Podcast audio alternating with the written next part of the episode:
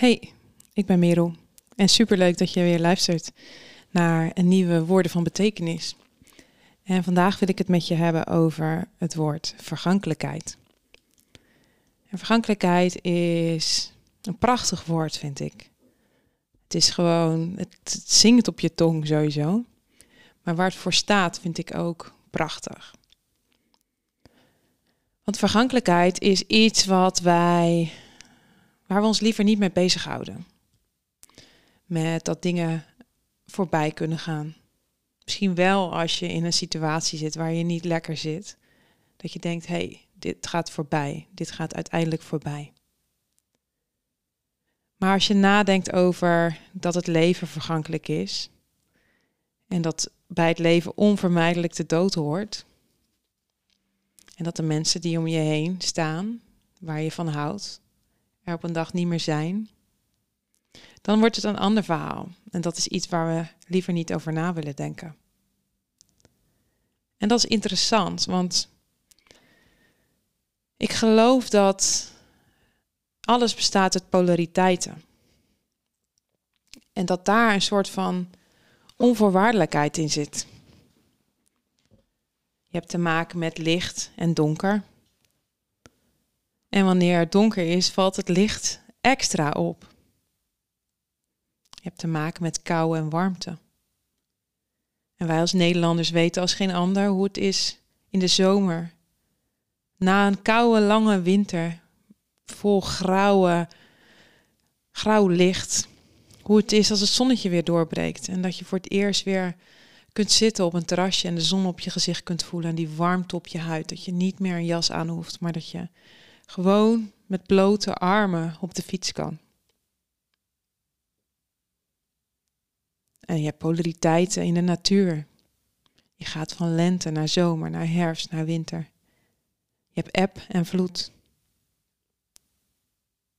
Je hebt de maan, van nieuwe maan naar volle maan. Je kan zo honderd voorbeelden noemen van polariteiten. En het grappige is dus dat het deel wat te maken heeft met iets eh, wat een negatieve annotatie heeft, dat dat hetgeen is waar we liever niet aan willen denken. Terwijl het juist zorgt voor een bepaalde diepgang.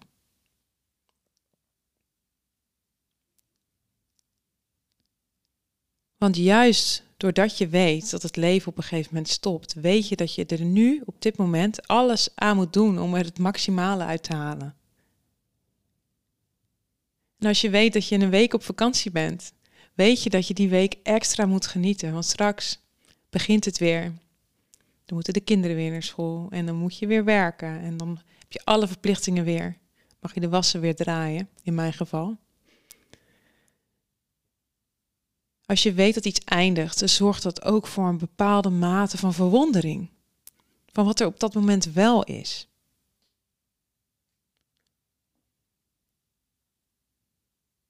En als ik nadenk over het woord vergankelijkheid en over het eindigen van dingen, dan brengt dat me terug naar mijn jeugd, waar ik altijd al een fascinatie heb gehad voor dit woord en voor dit concept. Ik weet nog dat ik toen ik klein was een, een, een hoogslaper had en dat daar dan in lag. En uh, ik, ik moest naar bed, ik moest slapen. En ik hoorde mijn ouders beneden lachen en uh, gesprekken met elkaar voeren. En dan voelde ik soms zo'n steek in mijn buik dat ik dacht, fuck. Dat dacht ik toen nog niet trouwens, dat woord. Maar ik dacht, ja, op een gegeven moment zijn ze er niet meer. En ik, werd, ik kreeg ineens een soort heimwee naar het moment waar ik toen in zat. Dat ik dacht, op een gegeven moment moet ik op mijn eigen benen staan. Dan kan ik niet meer veilig in mijn bed liggen en roepen naar mijn ouders wanneer ik bang ben. Dan moet ik het zelf doen. En dat overviel me zo. En dat heb ik eigenlijk altijd gehad. Een moment van verwondering. En tijdens dat ik de verwondering voelde, bedacht, maar dit gaat ook voorbij. En hoewel je kunt denken dat dat er misschien voor zorgt dat je op zo'n moment de verwondering, ja, misschien niet ten volle geniet, zorgt het er juist voor dat ik denk, ja, maar nu, nu, nu gaat om nu. Het gaat niet om strak, het gaat om nu. Geniet er nu maar van, want dit is niet voor altijd.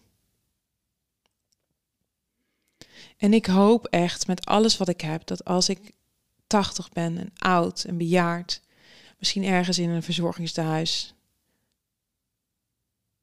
zit, verzorgd moet worden door mensen die ik niet ken, dat ik een tevreden mens ben, dat ik terug kan kijken op een leven vol verwondering, vol momenten die mijn leven rijk hebben gemaakt.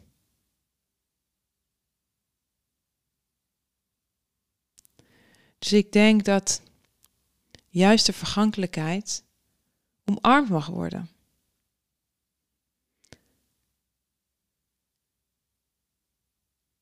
En ik denk dat wij dat vergeten zijn.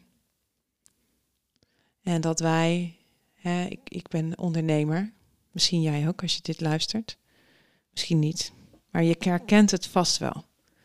Dat we altijd op zoek zijn naar resultaat, naar volle verwondering. Het moet er altijd zijn, we moeten altijd aanstaan. Er moet altijd geluid zijn. Ehm, als we wandelen buiten moet er altijd een podcast op of muziek. Ehm, we moeten altijd onze vrije tijd vullen met lezen en tv kijken. Ehm, maar ook met het creëren van dingen. We zitten nu in januari, nu ik deze podcast opneem. Je zit vol met doelen over het nieuwe jaar. Wat moet er komend jaar gebeuren en waar gaan we naartoe en wat mag er gecreëerd worden? Terwijl juist die, dat stukje vergankelijkheid een onderdeel is van groei. Want je kan niet groei op groei op groei ervaren. Soms moet iets afsterven om te kunnen groeien. En ik zie het altijd zo. Ik zie uh, je leven, en ik ben een beelddenker, dus ik neem je even mee, als een garage. Een garage waar een, uh, ja, het is een beperkte ruimte in je leven of in jouw garage. En op dit moment staat er een Suzuki Swift uit 88. Een lekkende uitlaat en uh, roestplekjes. Misschien zo'n verschillende, een andere kleur deur, weet je wel, die zie je wel eens rijden. Um, of misschien de motorkap een andere kleur. Het is in ieder geval niet iets waarvan je denkt van wauw, nou dit is echt de auto waar ik me veilig en lekker en overvloedig in voel.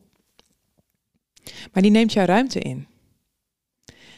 En als jij wilt dat daar een, uh, I don't know, een Tesla of een uh, andere mooie auto komt te staan, dan zul je ruimte moeten maken. Die Suzuki moet weg. En voordat jij die Tesla hebt gecreëerd, is er een moment dat de garage leeg is.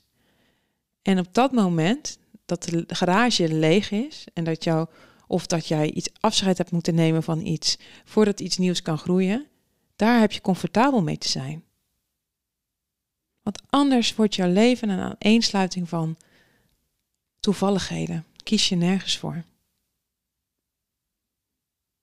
Dus ik wil je uitnodigen om eens na te denken over vergankelijkheid en wat dit voor jou doet. En op welke manier kun jij in je leven een stukje stilstand of vergankelijkheid toevoegen? Om ruimte te maken om te kiezen.